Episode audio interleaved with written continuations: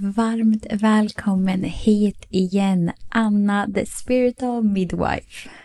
Tack! Kul att vara tillbaka! mm, ja men verkligen. Vi ska fortsätta på där vi avslutade sist i tanken. Mm, precis. Mm, för idag tänkte vi djupdyka i ett ämne som vi verkligen har fått upp ögonen för eh, och som vi känner är så himla viktigt. Och det är ju postpartum eh, och den fjärde trimestern. Och du har ju faktiskt en kurs som vi också har gått genom den här där vi har fått så mycket inspiration, verktyg, medvetenhet och där vi känner att okej, okay, den här kunskapen behöver komma ut.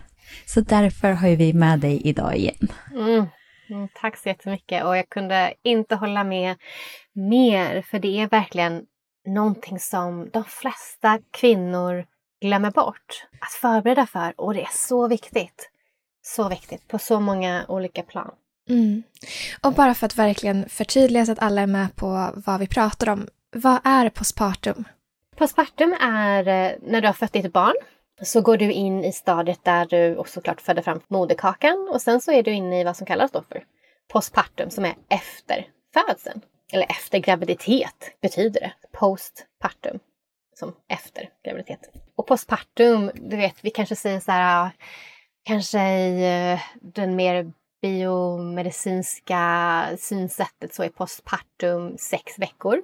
Åtta veckor kanske i några länder. När man säger att du är inne i liksom postpartum och sen så går du till doktorn vecka sex eller åtta och så blir du liksom frisk. Eh, Friskförklarad ska jag säga. Jag vet inte om det kan säga så men, men du får liksom check of approval. Ja men nu är din livmoder tillbaka där den ska vara och du, ja, alla checks är bra. Du och din bebis pratar också om postpartum som kanske då är ett helt år egentligen. Kanske så lika länge som du har varit gravid så är du också inom ett postpartum. Men nu börjar man prata om i olika delar av världen att postpartum är sju år. Så eh, jag vet inte riktigt vad jag ska svara på den frågan. Eh, det är en tolkningsfråga, vem du pratar med och om du pratar med en mer medicinsk person eller, eller även eh, alltså den här synen på att det skulle vara sju år kommer också från medicinskt professionella människor som ser det på ett annat sätt än vad den biomedicinska modellen som är väldigt dominerande i Sverige ser. Mm. Mm. För nu när man har börjat sätta sig in i det här ämnet så har jag lyssnat på många podcast och det finns mycket böcker, din kurs och då finns det ju verkligen ett helt annat synsätt. Mm. När det kommer till den här perioden och framför allt hur viktig den är. Mm. Kan inte du berätta lite mer kring ditt synsätt kopplat till just postpartum och ja, med hela den här liksom processen, varför den är viktig? Mm. Ja, verkligen. Så efter jag hade skapat uh, The Natural Birth Course som ni tog um, så ville jag ägna en hel kurs åt postpartum just för hur enormt viktig den. Den behövde liksom en hel egen kurs och, och vissa väljer att göra bara äh, min The Nourishing Postpartum Course som kanske har gått, säg att de kanske har en doula eller de har gått en annan sorts liksom, eh, äh, onlinekurs eller eh, liksom in person kurs um, just om födselförberedelse och vill verkligen djupdyka i The Nourishing Postpartum. Jag, i min kurs så är det ungefär de första Eh, en till två månaderna jag pratar om, som jag fokuserar på de första sex veckorna egentligen. Och vikten av det. Och jag vill först säga liksom att ni har säkert läst och hört och i min kurs såklart, men när ni liksom forskat lite om postpartum, att man pratar om de första, första 40 dagarna. Som att liksom, det är verkligen, verkligen viktigt. Och i alla kulturer så har det varit så att ungefär runt 40 dagar, någonstans mellan 6 och 8 veckor, runt om i världen, vilken kultur du än kommer till, Ehm, så har kvinnor haft en speciell tid efter födseln där familjen eller the extended family, liksom vänner och byn eller communityn runt henne samlas runt henne för att ta hand om henne. Man ser henne som sårbar de första veckorna efter födseln. Hon och hennes barn ska skyddas, har alltid varit så genom tiderna.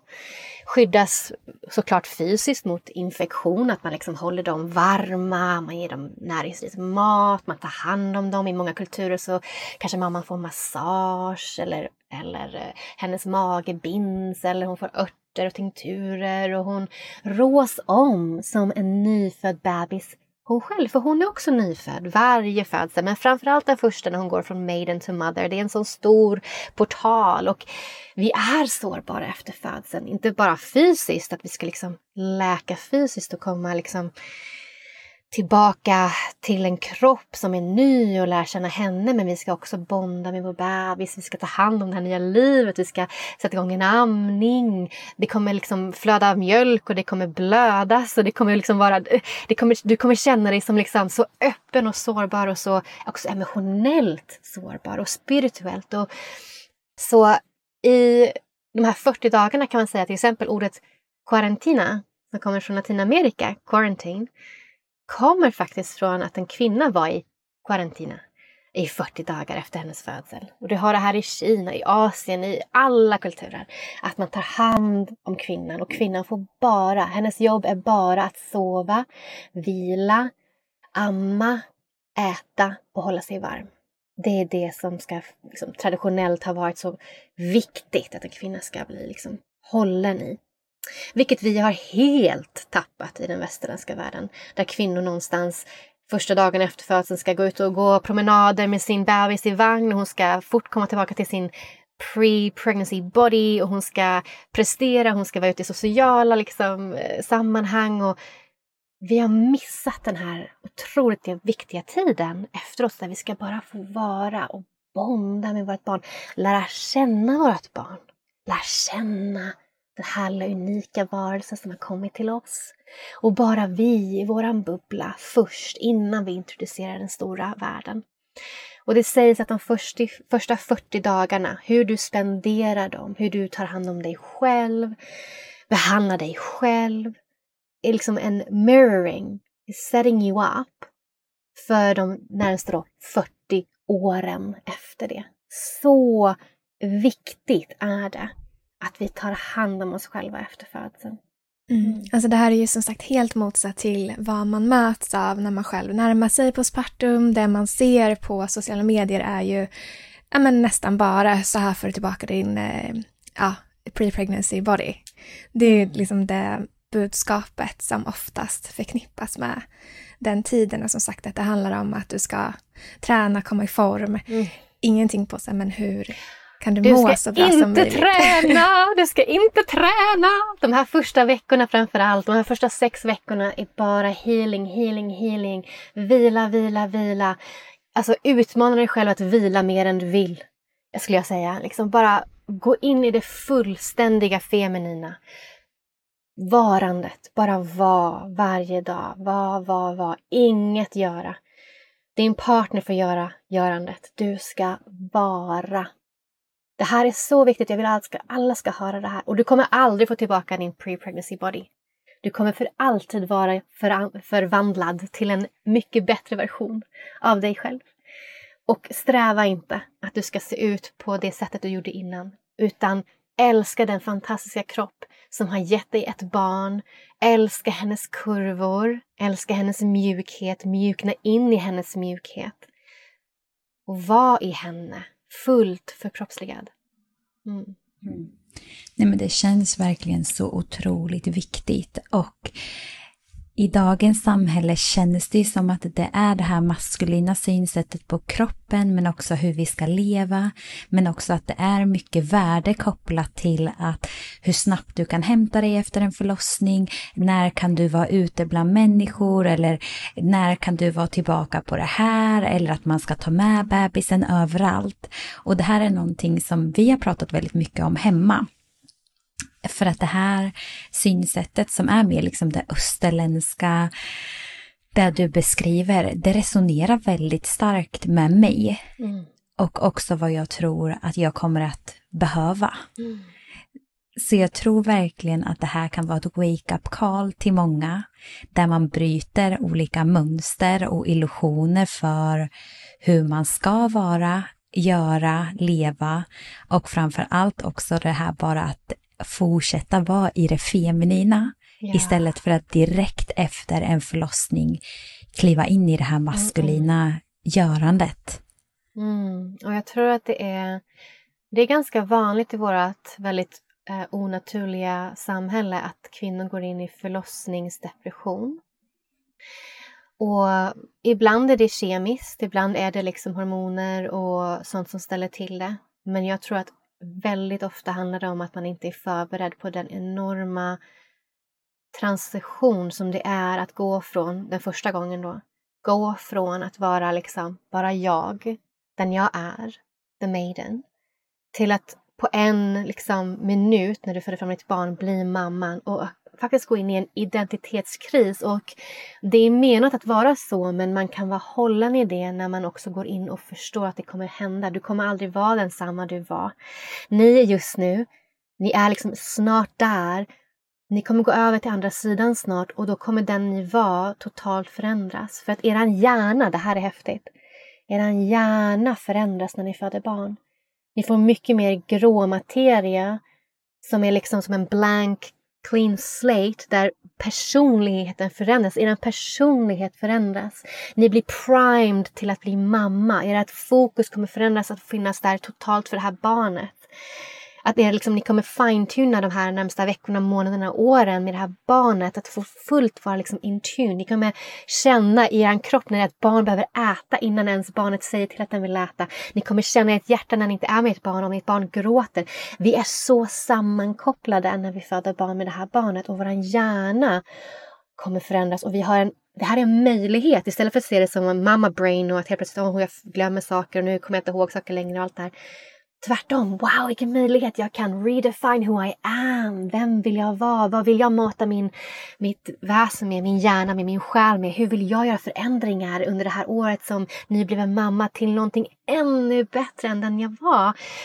Men också tillåta dig själv, för alla går igenom någon form av att man får sörja också att ja, den jag var, den jag levde som, kommer aldrig finnas igen. Precis som min kropp är ny så kommer också den jag är vara helt ny. Vissa delar av mig kommer finnas kvar, men vissa kommer bli försvunna. In i det jag skapar nytt. Mm. Så viktigt att, att lyfta den aspekten också, för som sagt, det är en stor omställning och förlossningsdepression är någonting som man knappt har pratat om förrän de sista åren.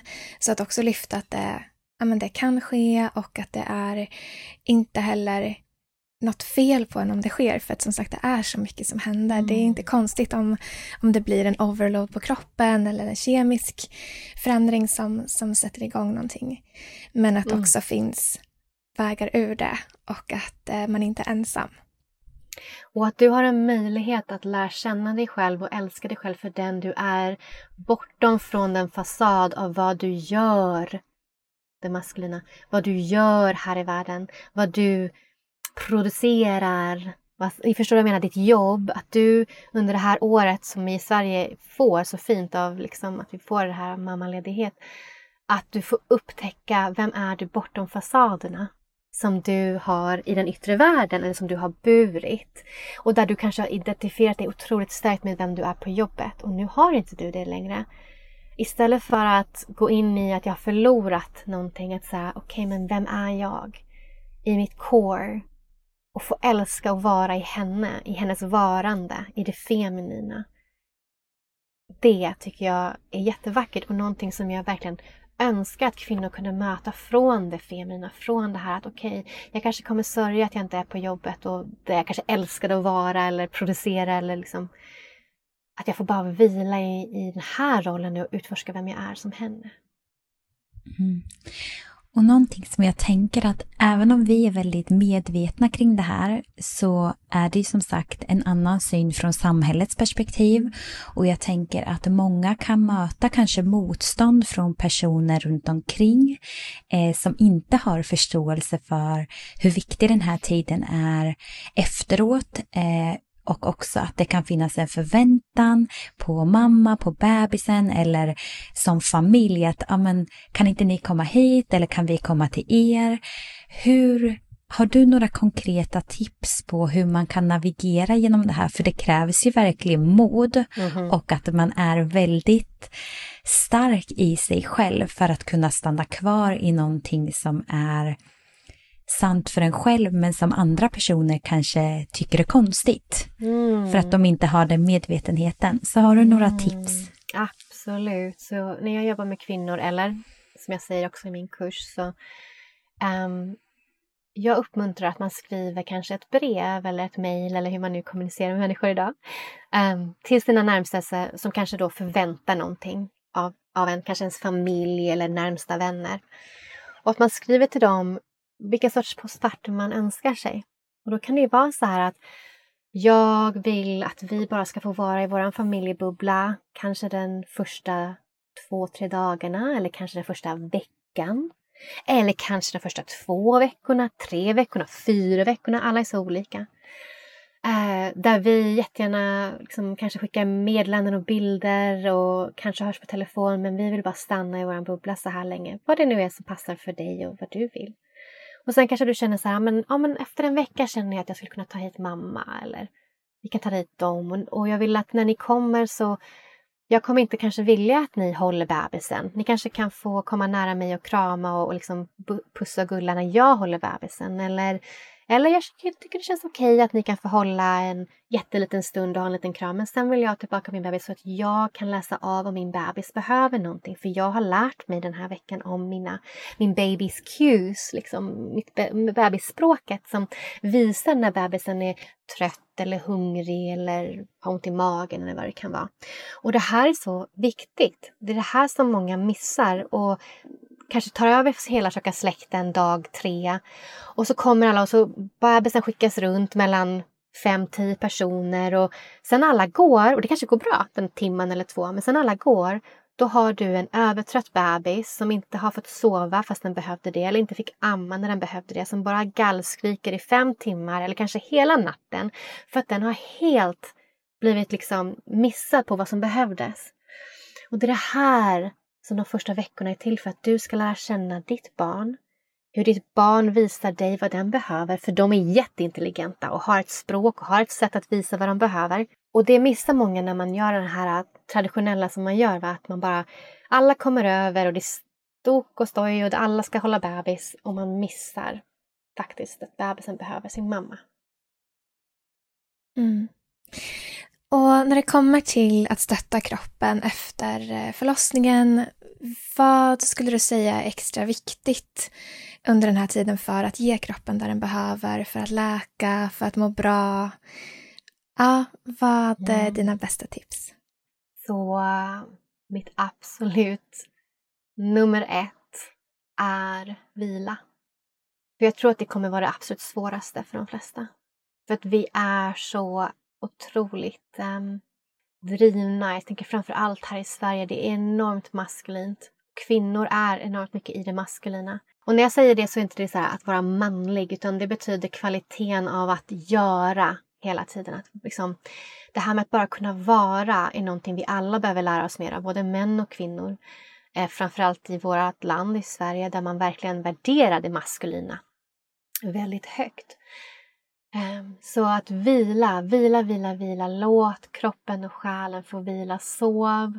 Om du inte kan sova så ligg bara i sängen med din bebis och liksom se på när din bebis sover.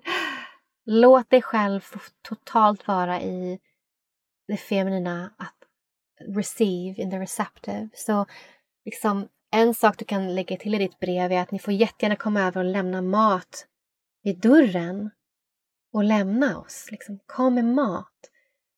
En sån fin sak som är jättevanlig i många andra kulturer att man kommer med mat till den nya familjen en hel månad efter födseln minst.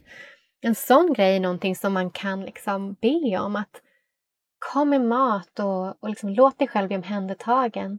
Du kanske vill ta in en postpartum doula som kommer och ger dig massage eller ta hand om dig, städar. Om inte du har en familj som är sån praktisk till exempel, som du kan be om det. Kom, ta in någon, en städerska eller en postpartum som kommer och lagar mat eller städar undan, tvättar. Så att du kan verkligen bara få vara. Du, är, du gör ingenting. Det här, det, jag kan inte liksom emphasize this enough. Ge dig själv tid att vara i um, vara i dig, för då kommer saker och ting komma upp. Du har så mycket du kommer vilja bearbeta från den här födseln. Även om det var den mest fantastiska upplevelsen och allt gick bra. Det är fortfarande på ett sätt en traumatisk upplevelse för kroppen och själen. Det är en stor ingen födsel, jag vill verkligen att alla förstår det här, vare sig du har en kort eller lång eller medicinsk eller naturlig, ingen födsel är en lätt födsel. Det är inte lätt att föda barn. För kroppen, för hjärtat, för alltså allt. Så låt dig själv vara i den. Låt dig själv om du behöver gråta eller skriva, liksom dagbok, reflektioner. Skriv ner din förlossningsberättelse veckan efter födseln för du kommer att glömma bort. Och du tror inte att du gör det, men du gör det. Så skriv ner den, för du kommer älska att ha den. Och om du haft en mer kanske traumatisk födsel, skriv ner den och bearbeta den också. Va? Det är jätteviktigt. Um, så mitt största tips för att läka det är om du ligger och vilar och känner in och lyssnar på kroppen. Då kommer också kroppen säga till dig, vad behöver jag äta? Vad behöver jag göra? Den kommer guida dig om du lyssnar. Och det kan bara hända om du inte gör. mm. Nej men så viktigt eh, och jättebra konkreta verktyg på hur man faktiskt kan göra. Och någonting som du pratar om i din kurs är ju just örter kopplat till den här perioden. Eh, kan inte du berätta lite mer om det? Finns det vissa örter som skulle kunna stötta kroppen eh, postparumtiden eller hur, hur funkar det? Ah, ja, absolut. Ehm, det finns ju både, om man ska kolla på, förutom örter så finns det till exempel homeopatiska medel som kan finnas till både immediately postpartum som kan motverka eller hjälpa vid blödning eller om man har ont eller um, kan vara för att um, hjälpa till med amning eller bondning eller så. Det finns också flower essences som är väldigt milda och fina att använda både i graviditet, födsel och postpartum. Um, och jag skulle inte liksom rekommendera någonting utan att man själv konsulterar en naturläkare. En naturopath som det heter på engelska. Ehm, för att alla är vi så unika så det är inte så att alla behöver det här eller si så. Framförallt när det kommer till homopatiska medel så tycker jag verkligen man ska eh, prata med en homopat och få liksom vad behöver du? Vad kan vara rätt för din konstitution? Och så, va? Jag vet någonting som ni brukar dricka det är raspberry leaf tea eller hallonbladste som är en uterine tonic eller en den liksom är som, det är en livmoderört. Och den kan en kvinna ta egentligen när som helst, vare sig hon är gravid eller inte. För det, den tonar livmodern och den det liksom när livmodern. Om man tänker på hur ett hallon ser ut så ser det ut som en livmoder. Det, är liksom en, det här är kvinnans ört. Va? Och den kan du ta i graviditeten för att liksom förbereda en stark, kraftfull livmoder under födseln. Och postpartum så gör den ju samma sak. Den, liksom, den fortsätter att hjälpa. Så den skulle jag rekommendera. Den kan jag rekommendera till alla. Men eh, annars så prata med naturläkare för att se vad, vad kan hjälpa dig. Mm. I dagens avsnitt vill vi tacka vår fantastiska sponsor Skinom som ger färsk hudvård. Och Skinom är grundat av hudforskaren Dr. Johanna Gillebro som även är författare till bästsäljande boken Hudbibeln. Ja, och vi läste Johannas bok i början på året och blev helt frälsta. Och vi båda använde deras produkter där du Sara använder den för oljehud och jag använder den för en normal hy. Och vi älskar dem. Och vi kommer även testa deras nya produkt eh, som innehåller probiotika. Mm, det är så coolt. Och det här konceptet är faktiskt baserat på mer än tio års forskning och produkterna är utvecklade i deras laboratorium här i Stockholm. Och som man kan gissa utifrån beskrivningen så är det unika med just färsk hudvård att det inte innehåller några konserveringsmedel eller onödiga tillsatser som parfym eller färgämnen, vilket vi ju älskar. Och därför har också deras produkter en kortare hållbarhet, precis som färska livsmedel. Och därför ska de också förvaras kylt. Och någonting som vi inspireras av med Skinom är att de har en minimalistisk filosofi, vilket innebär att man använder få produkter med korta ingredienslistor så att man inte överbehandlar huden i ansiktet, vilket annars är väldigt vanligt. Och för att göra sina produkter så naturliga som möjligt för huden så fokuserar Skinom på att använda hudegna ingredienser, det vill säga substanser som naturligt finns i vår hud. Mm, det är så, så bra. Och vi har ju fåt äran att dela en rabattkod till er på alla Skinons produkter. Så om ni uppger koden WomenSync med stora bokstäver så får ni 20% rabatt på deras hemsida. Så för att läsa mer om deras produkter, gå in på skinom.se. Tack Skinom för ett fantastiskt samarbete. Tack!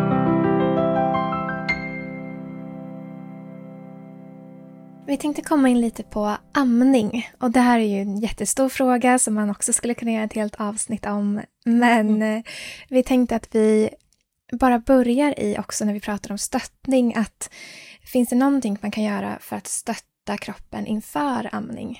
Jag skulle framförallt säga att eh, jag tror att det kan hjälpa den moderna kvinnan att faktiskt, som ni vet så är det en hel modell eller modul i, i min eh, postpartumkurs om det här just för att vi ser sällan någon amma en nyfödd bebis. Man kanske ser någon amma någon bebis som är lite äldre, kanske sex månader eller ett år eller sådär. Men vi ser sällan den här tidiga amningen. Och därför kan det vara bra att förbereda sig rent att lära sig, just precis så som man gör inför födseln. Att också kanske ha lite hum om hur det går till och vad är en bra attachment och latch för en bebis till exempel när den är precis nyfödd och hur optimiserar man det? Så det här går jag in på djupet i den här modellen som, modulen som ni har gjort. Men jag skulle säga det faktiskt att annars är det ingenting. Jag vet att det finns en sån här idé om att man ska så här, harden the nipple. Jag vet inte om ni har hört om det här och jag hoppas verkligen inte att ni gör det och att ingen gör det här. Men tanken om att liksom ska förbereda bröstvårtorna för den här bebisen som ska, som ska amma, att man inte då ska få blödande bröstvårtor eller ont, då ska man liksom nypa eller eh, till och med liksom, eh, ja, men, rubba mot dem eller så här, i, under graviditeten för att, så här, för att um, harden them, liksom, hur man ska säga på svenska, men liksom förbereda dem. Så här. Gör absolut inte det. Det hjälper absolut inte och det kommer inte göra skillnad. Utan tvärtom så kan du bara göra skada. Så att om någon har hittat den här informationen någonstans som jag vet är en knäppsak som florerar, eh, så gör absolut inte det. Nej, dina bröst. Jag vill att du ska lära känna dina bröst. Vissa kvinnor har vad som kallas för inverted nipples, där istället för att de pekar ut kanske de pekar in eller är helt platta. Det här är någonting jag skulle säga då, prata med din barnmorska om det här, för då kan du liksom få lite extra tips för hur du kan göra när du ska amma. Alla överlag kommer kunna amma, till och med om man kanske har de här platta bröstvårtorna eller till och med inåtpekande. Det finns saker och ting man kan göra. Så att var öppen med din barnmorska om det är så och prata om vad man kan göra för att hjälpa med amningen här. Men har du inte det så har du alla förutsättningarna för att kunna amma. Jag tänker att nästan 99 procent av alla kvinnor som vill amma kommer kunna amma, men det kanske behövs lite guidning, lite så trial and error. Och det på, alltså, här är en annan jätteviktig del, det är att det beror på vilket barn du får. Så det finns så här, jag har jobbat med kvinnor som kanske första barnet bara direkt på bröstet, gick jättebra, ammade hur bra som helst hela vägen, ett år, två år, whatever. Andra barnet kommer och de har jätteproblem att hitta en bra latch. Så det är, vad är det för barn du har? Vad har den för mun? Behöver den, har den så här, något som kallas för tongue tie eller något annat som behöver förlösas liksom, för att kunna få till det? Eller, ja, så att det är så multi-layered som jag också pratar om i min modul när det kommer till amning. Det är liksom inte så lätt. Det är inte bara one way fits all. Så att det finns de som jobbar liksom djupare med amning. Man kan alltid kontakta mig eller det finns sådana som kallas för lactations consultants som kan lite djupgående om just amning. Om man behöver extra hjälp. Och det skulle jag säga, börjar man amma och det är problem, sök hjälp direkt. Så att du får hjälp med det. Så att inte du hamnar med blödande, eh, såriga bröstvårtor eller eh, mjölkstockning och de här sakerna för de som inte har gjort det här tidigare när det kommer till amning och någonting som du pratar mycket om i din kurs och som du också har touchat vid nu är just det här kring att en viktig del i amningen är att bebisen ska få ett ordentligt mm. tag. Eh, och att det inte bara handlar om liksom bröstvårtan utan det handlar verkligen om att få liksom ett ordentligt grepp. Och du visar ju väldigt bra i din kurs hur det faktiskt kan se ut. Men kan inte du berätta lite mer om hur kan man stötta bebisen för att få till det här liksom greppet eller taget om bröstet som kan supporta en mm. just kring absolut. amning? Det absolut bästa sättet att initiera amning är vid födseln. Och det är att ditt barn får ligga på ditt bröst eller din mage. Och så länge som möjligt bara få tillåtas att följa sina egna instinkter. Ett barn som har fötts, ehm, precis som att du får det här adrenalinpåslaget i slutet av din kryssnings, eller när du börjar krysta, så kommer ditt barn också få den, det påslaget. Vilket gör att den liksom verkligen är så här primed for life. Den, den kommer ut och oftast är väldigt alert, stora ögon. Den är så vaken, mer vaken än den någonsin kommer vara de närmsta veckorna vid födseln precis, för den har fått den här rushen av adrenalin. Vilket igen bara händer genom att få en vaginal födsel. Den här liksom naturliga vägen. va? Och den kommer ut och den är alert och den är liksom programmerad att hitta ditt bröst och att inpränta på ditt ansikte. Så det är därför den har så stora ögon. Och den tittar och den tar in. Liksom, ju yngre ett nyfött barn är, desto mer tar den in. Den är som en svamp och tar in hela omvärlden, alla runt omkring, alla röster, alla intryck. Det är liksom så mycket som händer. Så mycket som händer. Och det här fortsätter liksom de första veckorna, åren och så vidare. Ju yngre ett barn är, desto mer tar den in. Det här är jätteviktigt att veta. Barn är som svampar. Så de kommer ut och de vet. De vet hur de ska liksom kliva och liksom crawla upp till ditt bröst. Och de har en liten birth dance. Liksom. De kommer upp där på magen och så liksom börjar de boppa runt med huvudet och de börjar gå lite så här, som en militär som kryper på, på marken. Den liksom kravlar sig fram och, och bumpar runt med huvudet och försöker hitta ditt bröst och hittar, slickar, öppnar munnen och försöker liksom hitta din bröstvårta. Och grejen är att det är lätt här att vilja hjälpa det här barnet och vilja säga åh jag ska hjälpa dig, jag lägger dig direkt på bröstvårtan och här är det och så kan jag liksom ta ditt huvud och så trycka in liksom bröstet och där hittar du. Och det kan man göra fast det förhindrar jättemycket av den här programmeringen som du kan programmera ditt barn med vid födseln. Där den faktiskt, när den gör den här lilla liksom baby crawl som den gör, det är så mycket information som den processar då. Så mycket som du inte som du tar iväg från den om du liksom skippar den här processen. Så låt bebisen ta sin tid. Det kan ta en halvtimme för den att kravla sig upp där och hitta bröstet. Det kan till och med ta en timme. Stressa inte. Låt bebisen få göra den här dansen.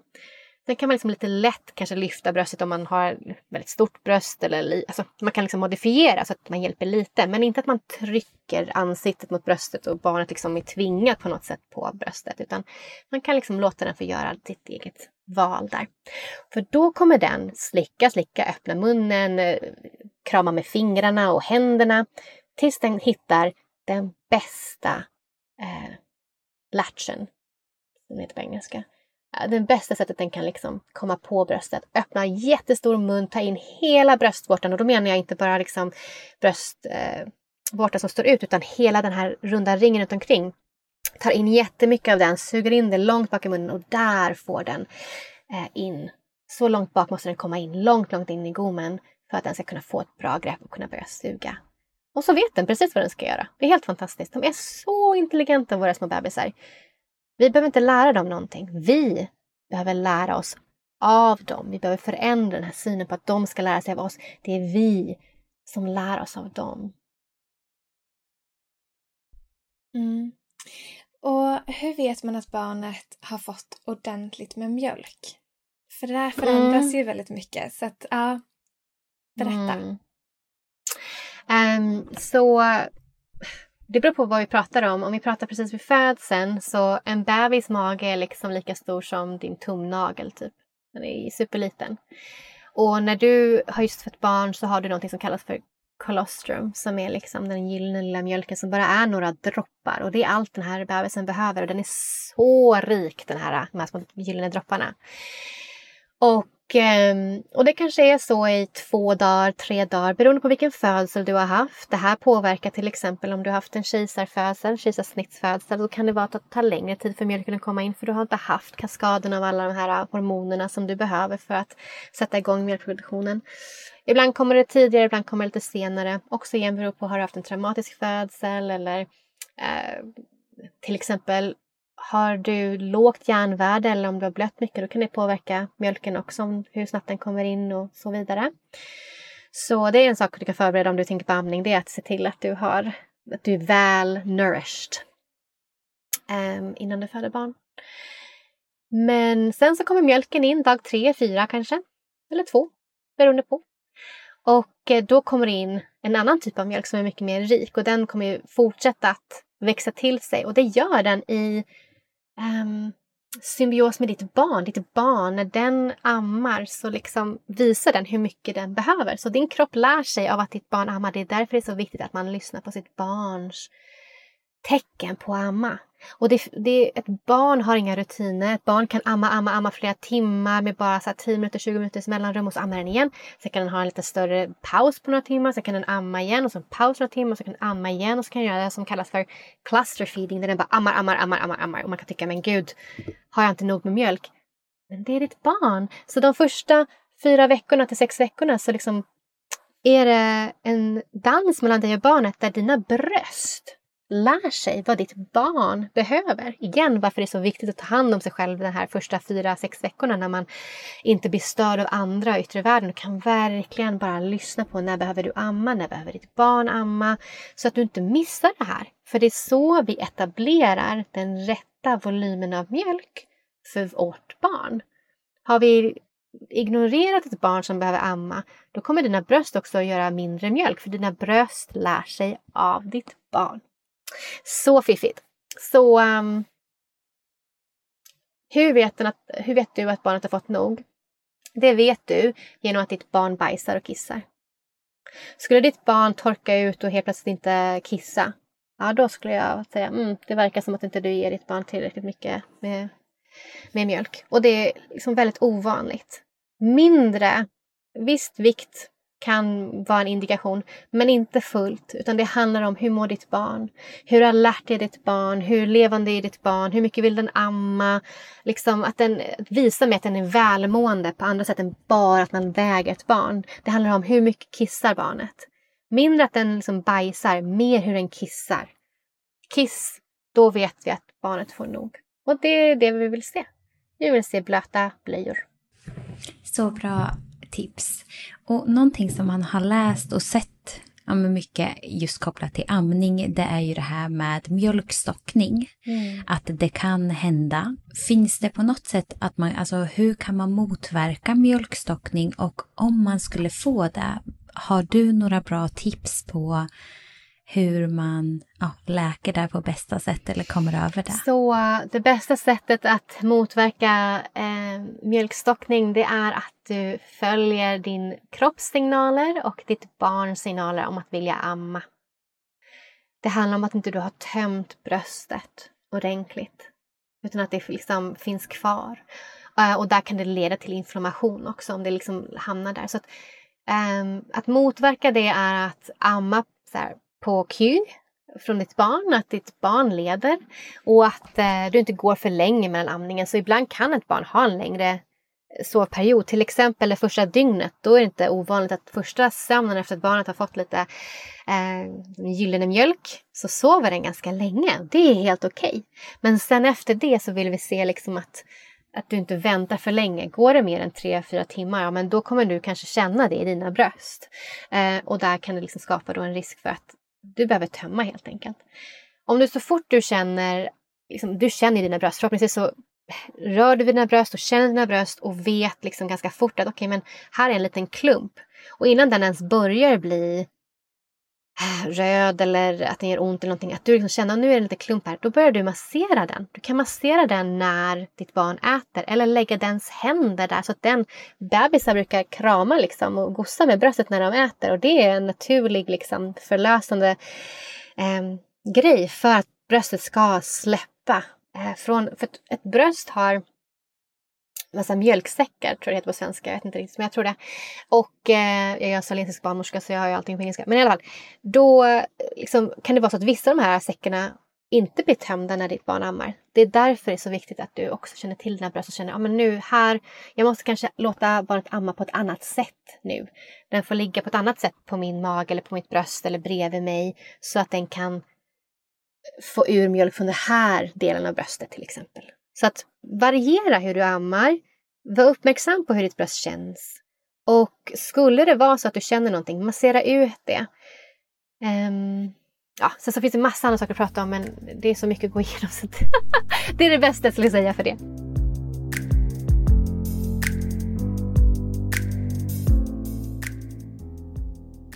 Ja, vi tänkte släppa amning lite nu och prata lite om anknytning. Och när det kommer till att känna anknytning till barnet så kan det ju vara väldigt olika när man faktiskt känner det. Att för vissa kommer det direkt och för vissa tar det lite längre tid och allt är helt normalt. Men vad kan påverka anknytningen och hur kan man navigera kring det om det är så att man inte känner den här direkta anknytningen? Hur vi föder är den största faktorn på hur vi anknyter till vårt barn.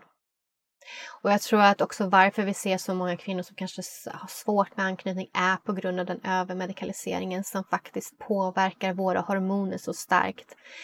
Eller att vi upplever någonting som är så traumatiskt att vi faktiskt um, hamnar utanför den här starka anknytningen som händer direkt vid födseln. Och det här är stort. Så skulle det här hända, då är liksom nästa steg, för första steget är att optimera hur du föder och att du föder på ett sätt som optimerar anknytning. Skulle det här inte hända för dig, då är att vara hud mot hud det absolut bästa. Att bara vila med din bebis, gulla med din bebis, vara nära din bebis. Det är liksom nästa steg. Att vara så mycket hud mot hud. Um, hjärta mot hjärta. Och bara vila så med din bebis det skapar stark anknytning. Det vet vi att vara intima ger ju, liksom, om man tänker med sin partner liksom, eller med vänner, att kramas och vara nära, det ger ju en djupare känsla av connection.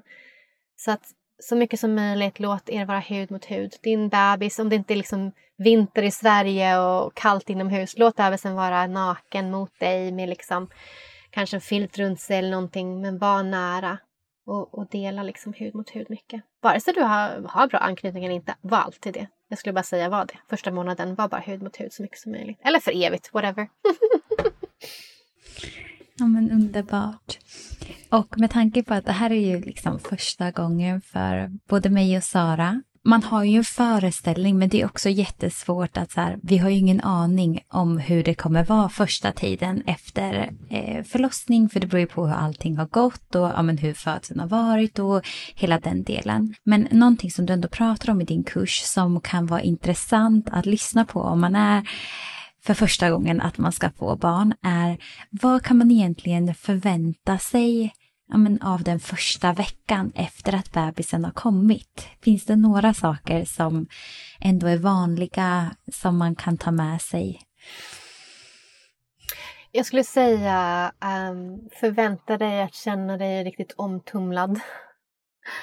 Första veckan så både du och din bebis går från att du har varit gravid till att inte vara gravid och din bebis har gått från att leva i den här vattenfyllda trygga, tajta, kompakta världen där ditt hjärtslag har varit din, liksom den bebisens värld i nio, tio månader. Och, och för dig så är det en enorm också process, eh, rent hormonmässigt, att gå från att vara gravid till att inte vara gravid till att amma. Så det är enorma processer som händer i din kropp som också kan få dig att känna dig ganska så här äh, otroligt närvarande i din feminina känsliga äh, känslosamhet. Att du kan känna dig enormt lycklig, också jättenära till tårar och liksom, eh, ditt eh, ja, men känsloliv är så rikt, framförallt den första veckan med de här stora hormonerna som flödar igenom dig och förändras helt enkelt. Det är annorlunda hormoner när man är gravid från att när man är postpartum och, och när man ammar. Så att jag skulle säga framförallt den här första veckan efter att vara så otroligt snäll mot dig själv som möjligt och att nästan förvänta dig att du kommer känna dig jätteemotionell. Och om du inte gör det så gör du inte det, men de flesta kvinnor gör det. I alla fall kanske någon dag eller två där i mitten av veckan efter födseln. Och att man liksom förbereder för det och bara, oh, här kommer det. Jag ska bara få gråta om jag vill, jag ska få skratta, jag ska få känna allt så djupt.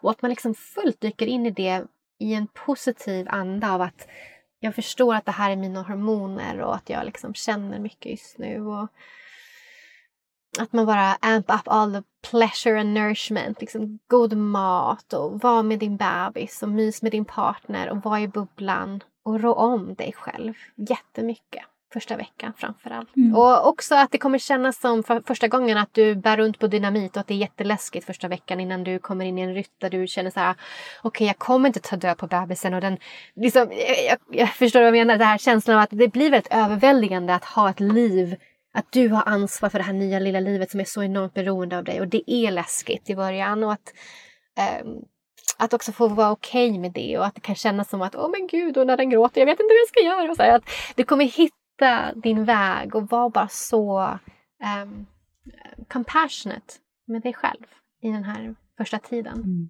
När du navigerar att vara mamma. Jag tror det är så viktigt och framför allt att ha tålamod och förstå att den här processen är mm. en fas. Att lära känna varandra, ja men utanför magen, för i magen så har de ju fått allt de behöver hela tiden.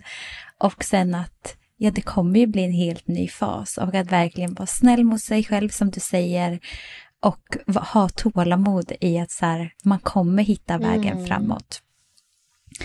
Och du har ju touchat lite vid det här med att bebisen har ja, men cues, små tecken och kommunicerar liksom på sitt sätt när det kommer till olika saker. Och vi tänkte att det kan vara bra att gå igenom några av de här tecknena som kan vara bra att ha koll på och som man kan plocka upp. För medvetenhet gör ju ändå att man kan fånga upp dem på ett annat sätt än att inte mm. veta om dem. Så kan inte du bara berätta vilka olika tecken kan det finnas när det kommer till att så här, bebisen är trött, hungrig, gasig, mm. ja allt det här. Ja, våran bebis har liksom ett eget språk och nu finns det några universella ljud men sen så kommer din bebis också vara helt unik och ha sina egna liksom, um, tecken som du får lära dig unikt för du och din bebis. Men till exempel så när en bebis är hungrig så kanske den börjar visa vissa tecken med sin mun. Um, att den liksom smackar, tittar runt, det är ett tecken. Um, den kanske gör ett ljud som låter som mm, mm, och det är det här ne, ne eh, ljudet som den gör när den snackar. Den kommer upp med tungan upp i gommen. Mm, den liksom visar att jag vill göra det här sugande, sugande eh, sättet. Jag, kolla på mig, jag gör så som jag gör när jag ammar.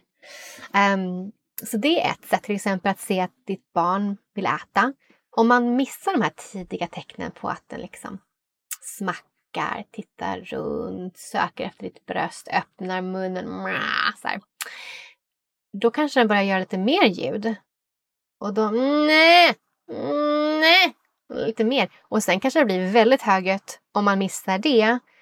Eh, där barnet blir helt hysteriskt till slut och då hör man kanske inte att det är ett nej-ljud längre utan då är det bara jätte liksom panik. Du hör inte mig, jag är jättehungrig. Varför låter du inte äta? Och då behöver man istället för att amma trösta och lugna ner det barnet för att den kommer inte kunna um, attach to the breast om den är så hysterisk. Och det här är varför igen, som vi pratade om innan, det är så viktigt de här första veckorna att inte missa de här tidiga tecknen. Att du och ditt barn hittar en rytm där du snabbt, tidigt kan se vad behöver mitt barn innan det blir sån här kaos, kabalik, liksom, där barnet kanske är helt otröstligt och kan vara så kanske lång tid. Och det kan vara väldigt påfrestande att gå runt med. Jättebra, jättebra tips. Sen finns det ju massa andra liksom, tecken för när jag är trött eller när jag har ont i magen eller om jag behöver rapas eller ah, jag kommer inte ihåg allt som finns men det finns jättemånga olika. Um, och alla har ett ljud och alla har olika tecken som kanske bebisen gör. Jag går igenom det här i detalj in i kursen. Men det största är ju ändå det här kanske när man är när man missar att barnet behöver matas. För oftast är ju det den största. Sen så kommer de andra lite som nummer två. Liksom att barnet kommer oftast vilja äta. Framförallt i början så kanske barnet vaknar till och då kanske den är vaken i fem minuter och tittar runt och kanske du kan få ögonkontakt och prata lite och ha den här liksom spännande kontakten. Men efter det så behöver den antagligen amma. Så ofta är det. Att den, den sover mest och ammar mest och sen lite mittemellan kan man ha några minuter här och där. Men det är det ganska det största de första veckorna. Och det är det viktigaste att veta att det är inte så mycket annat som den kommer vilja göra. Mm. Ja, det viktiga är just att veta om att barnet kommer kommunicera så att man kan börja plocka upp och lära känna sitt eget barn. Mm. Precis. Någonting som du pratar om i kursen som jag tyckte var väldigt intressant och som var helt nytt för mig, det var någonting som kallas för elimination communication. Mm. Kan inte du berätta lite om det här och vad det innebär? För jag tror att det är nog mm. nytt för de flesta som lyssnar. Absolut. Och så mycket annat liksom i både the natural birth course and the nourishing postpartum course är ju att presentera en massa alternativ för dig att hitta det som passar dig, din familj, din livsstil. Och elimination communication är ju verkligen ingenting som passar alla, vill jag först säga. Och man kan göra en modifikation av det också. Det behöver inte vara liksom all or nothing. Men det det är för er som aldrig har hört det här, det är att man är så intuned med sitt barn att man också snappar upp när den behöver gå på toa. Både kissa och bajsa.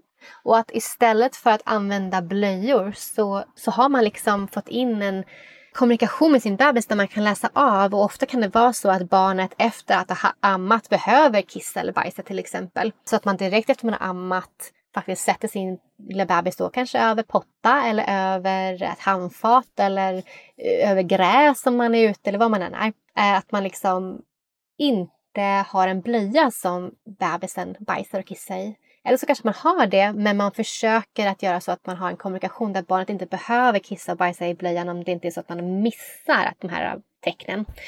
Utan att man försöker hinna till att eh, man kissar och bajsar i potta eller i handfat eller på gräs eller vad det nu kan vara man är. Det behövs ju då verkligen att man är så intuned med sitt barn. Och det, är, det finns mycket information om det här på, på internet, mammor som väljer att göra så här med sitt barn eller familjer som väljer att göra så här med sitt barn. Och att barnet då blir pottränad mycket, mycket tidigare än vissa som går med blöja kanske innan de är fyra år eller så. Liksom. Det kan vara en lång process ibland att bli av med blöja när man väl har börjat använda den och lärt barnet. För ni kommer ihåg vad jag sa, att barn är som svampar så de lär sig. Ju yngre de är desto mer lär de sig. Så tidigare man kan introducera ett typ av beteende desto liksom, lättare är det för dem att lära sig saker och ting. Till och med när de är nyfödda. Det är det här jag verkligen vill att ni ska förstå. Så det betyder inte att alla ska göra elimination communication. Men man kanske kan göra det när man är hemma. Och så kan man välja att ha blöja när man går ut. Eller om ni, ni går till mormor och morfar eller farmor och farfar. Ja men då är det blöja och de kan få liksom hålla på med blöjor. Eller man kan göra liksom både och. Vissa går all in, det är liksom bara elimination communication och för vissa kanske det är 30% av tiden. Ja, man kanske har blöja över natten men under dagen gör man elimination communication för att man är hemma och man kan läsa av sitt barn. Som sagt, ofta så är det så att efter man har matat barnet, efter barnet har ammat, så behöver den ofta gå på toa eller eh, ja, kissa och bajsa. Så um, den kan man få in till exempel ganska lätt medan man kanske sen har blöja på och så kanske man missar ibland. Mm. Mm, så himla intressant. Eh, och det är faktiskt ingenting jag heller har hört innan så att eh, det är så bra att uppmärksamma. Mm. Men någonting som jag tänkte ganska mycket på och som jag tror att många nyblivna föräldrar funderar över är ju just kring det här med sovande mm. och hur bebisen ska sova första tiden och vad är egentligen viktigt att tänka på när det kommer till safe sleeping för mm. bebisen. Kan inte du berätta lite mer kring det här? Ja, absolut så safest way att eh, sova med din bebis är bredvid dig i sängen. Med två föräldrar eller en förälder som är helt nykter, så inte tar några mediciner, självklart inte dricker eller något annat, inte röker och som inte ja, men har någon problematik kring liksom att man inte att man sover väldigt, väldigt djupt. Som kvinna så är det ofta så att man inte gör det och framförallt när man blir mamma då är man så här hyper attentive till sitt barn. Det kan vara lite mer så med, med pappa eller partner om det kan vara så att de kan vara en sån här människa som verkligen sover så djupt att inte liksom, andra världskriget skulle inte väcka dem. Då kan det vara en riskperson i den sängen att liksom sova bredvid bebis. Då kan man lägga bebis bredvid mamman bara till exempel. Men att du sover med din bebis, det har ju varit något som har varit kontroversiellt och det kommer från att studier som har gjorts, till exempel det här med sudden infant death syndrome, va? att barn skulle råka kvävas av att en förälder skulle liksom rulla över dem eller någonting.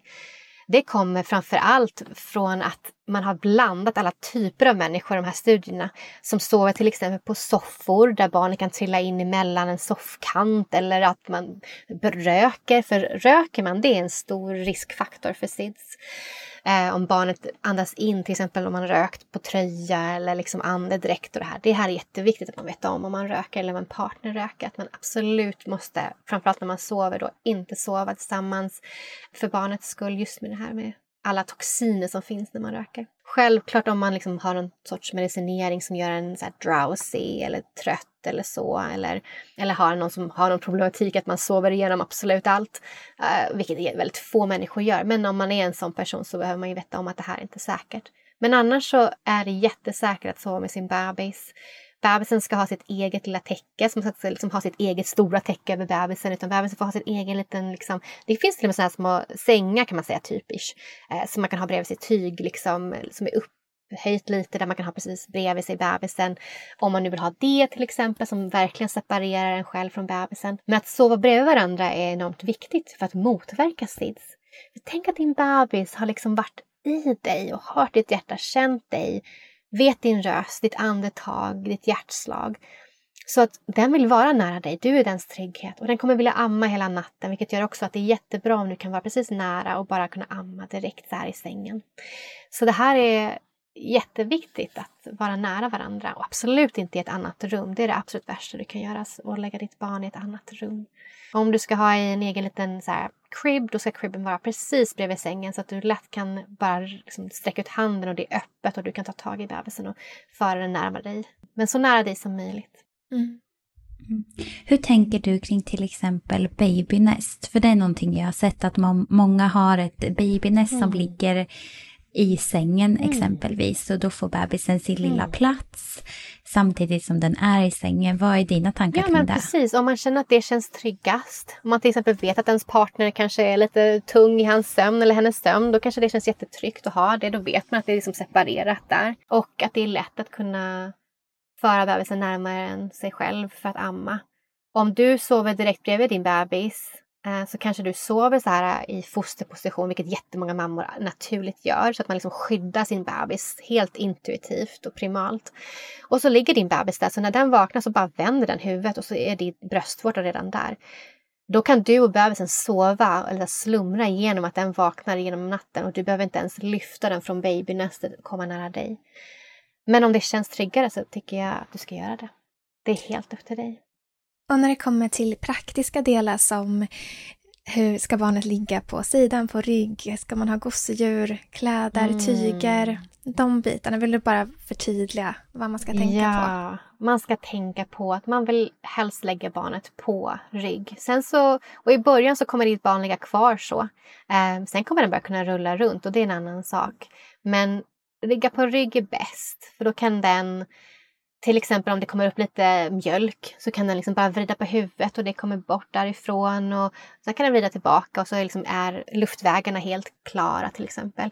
Vi vill inte ha någonting nära huvudet så man vill hålla helt fritt för huvudet. Så bara ligga platt för barnet. Kanske ha en liten så här, egen liten filt eller swaddle eller någonting så den ligger där bekvämt och varmt. Framförallt i Sverige behöver vi ju värme. Um, men ingenting som den kan dra över huvudet eller ett gosedjur som kan hamna över ansiktet. Så det vill vi hålla borta från en bebis som sover. Jättebra. Det här är någonting som jag tänker på att så här, det är så svårt att veta innan vad som kommer kännas naturligt eller hur man kommer känna sig mm. trygg. Eh, för att en del är ju så här, ja, men, det känns så naturligt att liksom samsova med sin bebis och att den ligger där. Men sen finns det också så här jag försöker vägleda mig i att ja men det här, kommer bebisen andas? Alltså första nätterna man kommer hem, att jag tror att man kommer ha mycket av de här, så här primitiva känslorna. Så här, okej, okay, men lever du, andas du? Ja men allt så här, och att bara ha tillit till att så här, men bebisen, alltså det kommer ju gå bra. Mm. Men därför är det också skönt att veta så här, men vad finns det för lite alternativ? Mm. Vad kan jag spela mellan? För att hitta det sättet som känns bäst för oss och passar mm, oss. Absolut, och att det är det man ska följa, det som känns tryggast för en själv.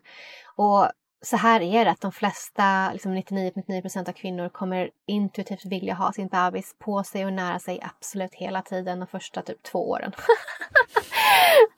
Kanske inte lika tajt först, alltså, när det kommer in lite närmare två år men alltså det är så. Det är så, kommer vara så starkt att vilja skydda det här lilla barnet och det kommer kännas i din kropp att du vill ha den på dig eller nära dig. Mm. Som sagt, som vi pratade om innan, kanske var det i förra podden, att din hjärna liksom kommer totalt förändras i att du blir gravid. Och den kommer vara primed att läsa ditt barn bättre än någon annan pappa eller någon annan partner eller någon annan kommer aldrig vara så in tune som du är. Du är designad under graviditeten, under födseln, i postpartum att vara så responsiv till ditt barn. Du behöver inte vara rädd för att du kommer missa. Du kommer liksom vakna till liv så fort du hör ett litet gny så kommer du bara, vad händer? Vad behöver du? Jag finns här. Det är liksom, du kommer inte sova igenom någonting. Det är helt omöjligt. Du är så primed för det. Så du behöver inte vara orolig för att du skulle missa att ditt barn liksom ligger och vrider. Om den bara rör på sig lite kommer du bara, vad behöver du? Du kommer finnas där. Mm. Och det är så mäktigt och jag tycker man känner ju det redan under graviditeten att man blir väldigt eh, ja, men man undviker risker och man är liksom, mm. ja, jag skulle inte kunna tänka mig att typ så här, att jag någonsin kommer vilja åka typ berg och dalbana igen eller göra någonting som kan vara risk och jag kommer inte vilja att mitt barn gör det. Det är sånt som jag bara, men gud det här har verkligen skiftat i att jag är gravid. Så det är verkligen ja. häftigt. Mm. Eh, något annat som är som jag tror många frågar kring eller som dyker upp efter att man har fått hem sitt barn, det är när ska man bada barnet för första gången? Mm. Ja, verkligen. Jag förstår. För det första så vill jag säga här att ditt barn är ju inte smutsigt någonstans och de liksom svettas inte som oss. De luktar inte som oss, de kommer bara lukta jättemysigt och jättegott. Liksom. Um, deras doft är helt intoxicating. Mm, så ditt barn behöver inte något bad någon specifik dag efter födseln. Um, om det är så till exempel kan det vara lite blod ibland så här, från födseln på huvudet. Då kan man bara ta en liten tygbit och lite vatten, varmt vatten på huvudet och ta bort det så.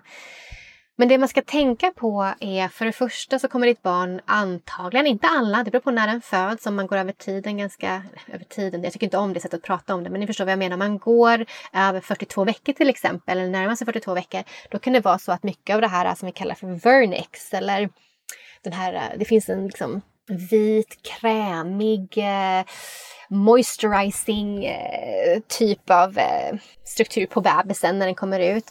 Den kan ha bara gått in i kroppen och det liksom finns inget kvar när den kommer ut. Den föds ren från det. Men föds man lite tidigare då kanske det kommer ut en helt vit bebis. Och då menar jag inte liksom vit i hyn utan vit av liksom det här krämiga sekretet som finns då runt barnet. Och det kommer ju liksom sugas in in i huden det första dygnet eller så efter födseln. Så det ska man bara låta vara kvar. Det är liksom jätte rikt för barnet och skyddar barnet framför allt eh, mot allt som finns utanför barnets hud. Så det är jättebra att inte bada barnet det första dygnet. Absolut, helst inte den första veckan skulle jag säga. Utan låt, om det inte är så att man vill ta bort lite blod eller sådär. Då är det bara när den bajsar, ja då kanske man blöter lite igen för att eh, torka rent eller sådär. Men det är det enda man behöver. När man badar barnet, framförallt om det är för väldigt tidigt. Ett barn är inte bra på att reglera sin temperatur när den kommer ut. Den reglerar genom dig. Det är därför du har den hud mot hud så mycket som möjligt. Den reglerar, ditt hjärtljud reglerar deras hjärtljud. Din värme, din kropp kommer hettas upp om barnet är kallt och kommer kyla ner barnet om, om barnet är varmt. Så häftigt är det. Din kropp är primed alltså. Det är därför du är, som en, du är som en reglator för barnet. Det är därför ni ska vara ett så mycket som möjligt i början. Om vi tar iväg barnet från dig och ska liksom bada det i vatten, även om vattnet är varmt, så kommer den utsättas för att då behöva reglera sin temperatur, vilket den inte kan. Så den kan liksom, det kan betyda att det tar mycket energi från barnet, vilket gör att den eh, använder upp sina reserver, vilket behöver då, den behöver amma mer eller den kanske eh, går ner i blodsocker och det liksom rubbar barnets balans som man säger. Så vänta gärna någon vecka. Och sen kan du ha bad och då kan man göra det på ett jättefint sätt som jag såklart visar i min kurs. Som verkligen är hållet och allt man behöver tänka på för att motverka att barnet till exempel blir kallt eller, eller blir stressat eller så. Att man kan göra det väldigt fint och ritualistiskt och att det kan vara en jättefin grej att föra in framförallt kanske för partnern som inte har den här nära kontakten hela tiden som mamman har att han eller hon får bada och kanske massera bebis och liksom bara ha den här gyllene tiden kanske på kvällen när det kan vara lite witchy hour eh, för bebisen att få ha den här liksom one-on-one time med den andra föräldern som finns med, eventuellt om det finns en annan förälder. Eller för den som har fött. Ja, alltså jag är så himla tacksam att man har fått men den här kunskapen och medvetenheten in i den här tiden.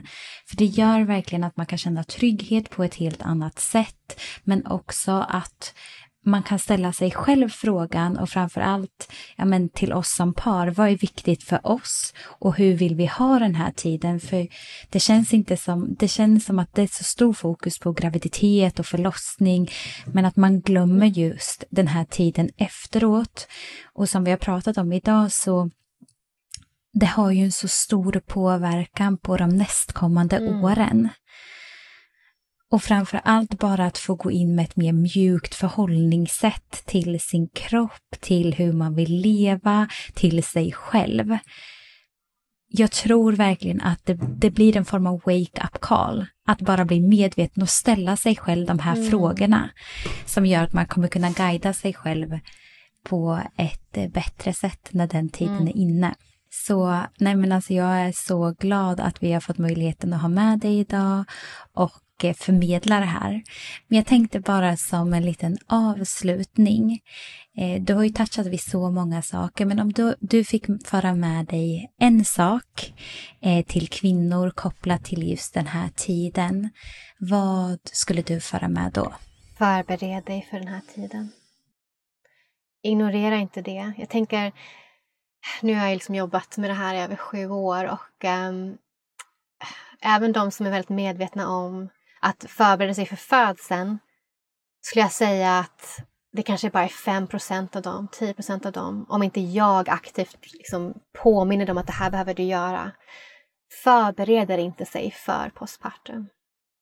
Och jag ser sån enorm skillnad, en sån enorm trygghet i dem som faktiskt gör det.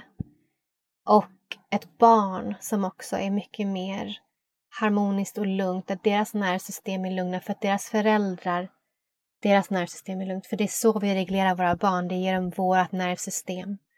Så eh, jag skulle säga lär dig om amning, om den första tiden med baby, um, om absolut uh, liksom hur du kan ta hand om dig själv fysiskt, psykiskt, uh, emotionellt, spirituellt genom den här fasen. Och planera verkligen att ta hand om dig själv det är värt att eh, investera i kanske någon som kommer och städar eller en postpartum doula eller att lägga tid och kraft på att informera liksom, vänner och familj hur man vill bli supportad den här första månaden eller månaden efter. Verkligen få vara bara i sin baby bubble. Och inga som helst obligationer till någon annan den första månaden. Inga så här, jag ska gå på den här festen eller gå, gå på det här eventet eller träffa de här människorna utan om du känner det vecka tre att nu är jag redo för att möta någon, ja men då kanske du går runt hörnet, runt kvarteret och tar en fika. Men var spontan och följ din energi och säg nej om du känner att oj, nu bokar jag in den här träffen men nu har jag inte sovit på hela natten och nu är jag helt slut. Då tackar du nej. Då pressar inte du dig själv. Och det här vill jag också säga, för vi nämnde det här med träning och komma tillbaka till liksom din kropp. Framförallt om du gör det de första veckorna så kommer du märka, framförallt de första kanske två veckorna, att om du är för fysiskt aktiv, det kan betyda att bara gå ut en promenad på en timme för dig, vi är alla olika, då kommer du märka att du kommer blöda mer. Vi blöder som en riklig mens dagen efter födseln och den sakta men säkert slutar liksom vara så rik och sen så går det över till mer healing discharge. Men det här kommer bli mer för din livmoder kommer känna av nu vart det för mycket. Det var för mycket för mitt pelvic floor, det för mycket min kropp. Och så många kvinnor säger till mig, ja, ah, jag gick över min gräns där och jag märkte det på kvällen så blödde jag mer och jag var helt slut. Så att, lyssna på dig själv och på din kropp. Hon vet, hon är så vis. Tack för påminnelserna. Det tror jag att de flesta behöver höra om och om igen och påminnas om att det är en tid för vila och ta hand om sig själv och sin bebis och njuta av att eh, gå in i den här nya tiden av livet. Mm. Tack snälla Anna för ännu ett jätteviktigt och intressant och lärorikt avsnitt. Det har varit så fint att ha med dig. Mm, så fint att vara här och få dela med mig av det här. Det här är verkligen min passion att få tala om de här viktiga ämnena i en, en kvinnas liv och jag önskar att kvinnor där ute verkligen anammade att se det här som en right of passage och någonting stort som är värt att investera tid och pengar i hela vägen. Och embrace your feminine. Och om du vill lära dig att bli en sacred space holder for birth så har jag också ett mentorship för de som vill bli eh, spirituella dolor kan man säga på svenska. Mm. Underbart. Tack snälla för idag kära du. Tack. Vi vill bara passa på att lyfta Chica Roast som är en så uppskattad produkt både för egen del och av er kvinnor i communityn. Chica Roast är gjord på roten cikoria som rostas till ett pulver som du enkelt blandar med hett vatten till en fyllig värmande dryck. Och det bästa av allt är att den är koffeinfri och fri från tillsatser och är ekologiskt producerad i Europa. Ja, och vi älskar ju Chica Roast. Den är så god. Den påminner om kaffe i smaken men inslag av choklad och lite sötma. Och för oss har chicaros verkligen varit en game changer för att kunna minska på vårt koffeinintag. Och det här är verkligen det bästa substitutet till kaffe som vi någonsin har testat. Verkligen. Och personligen sen jag har minskat på koffein och började dricka chicaros, så har min IBS blivit bättre då den till stor del var väldigt stressrelaterad. Och jag sover också bättre och har minskat min oro och ångest. Så ja, en game changer helt enkelt. Om du vill testa Chica Rose så hittar du den på vår hemsida www.womensync.se.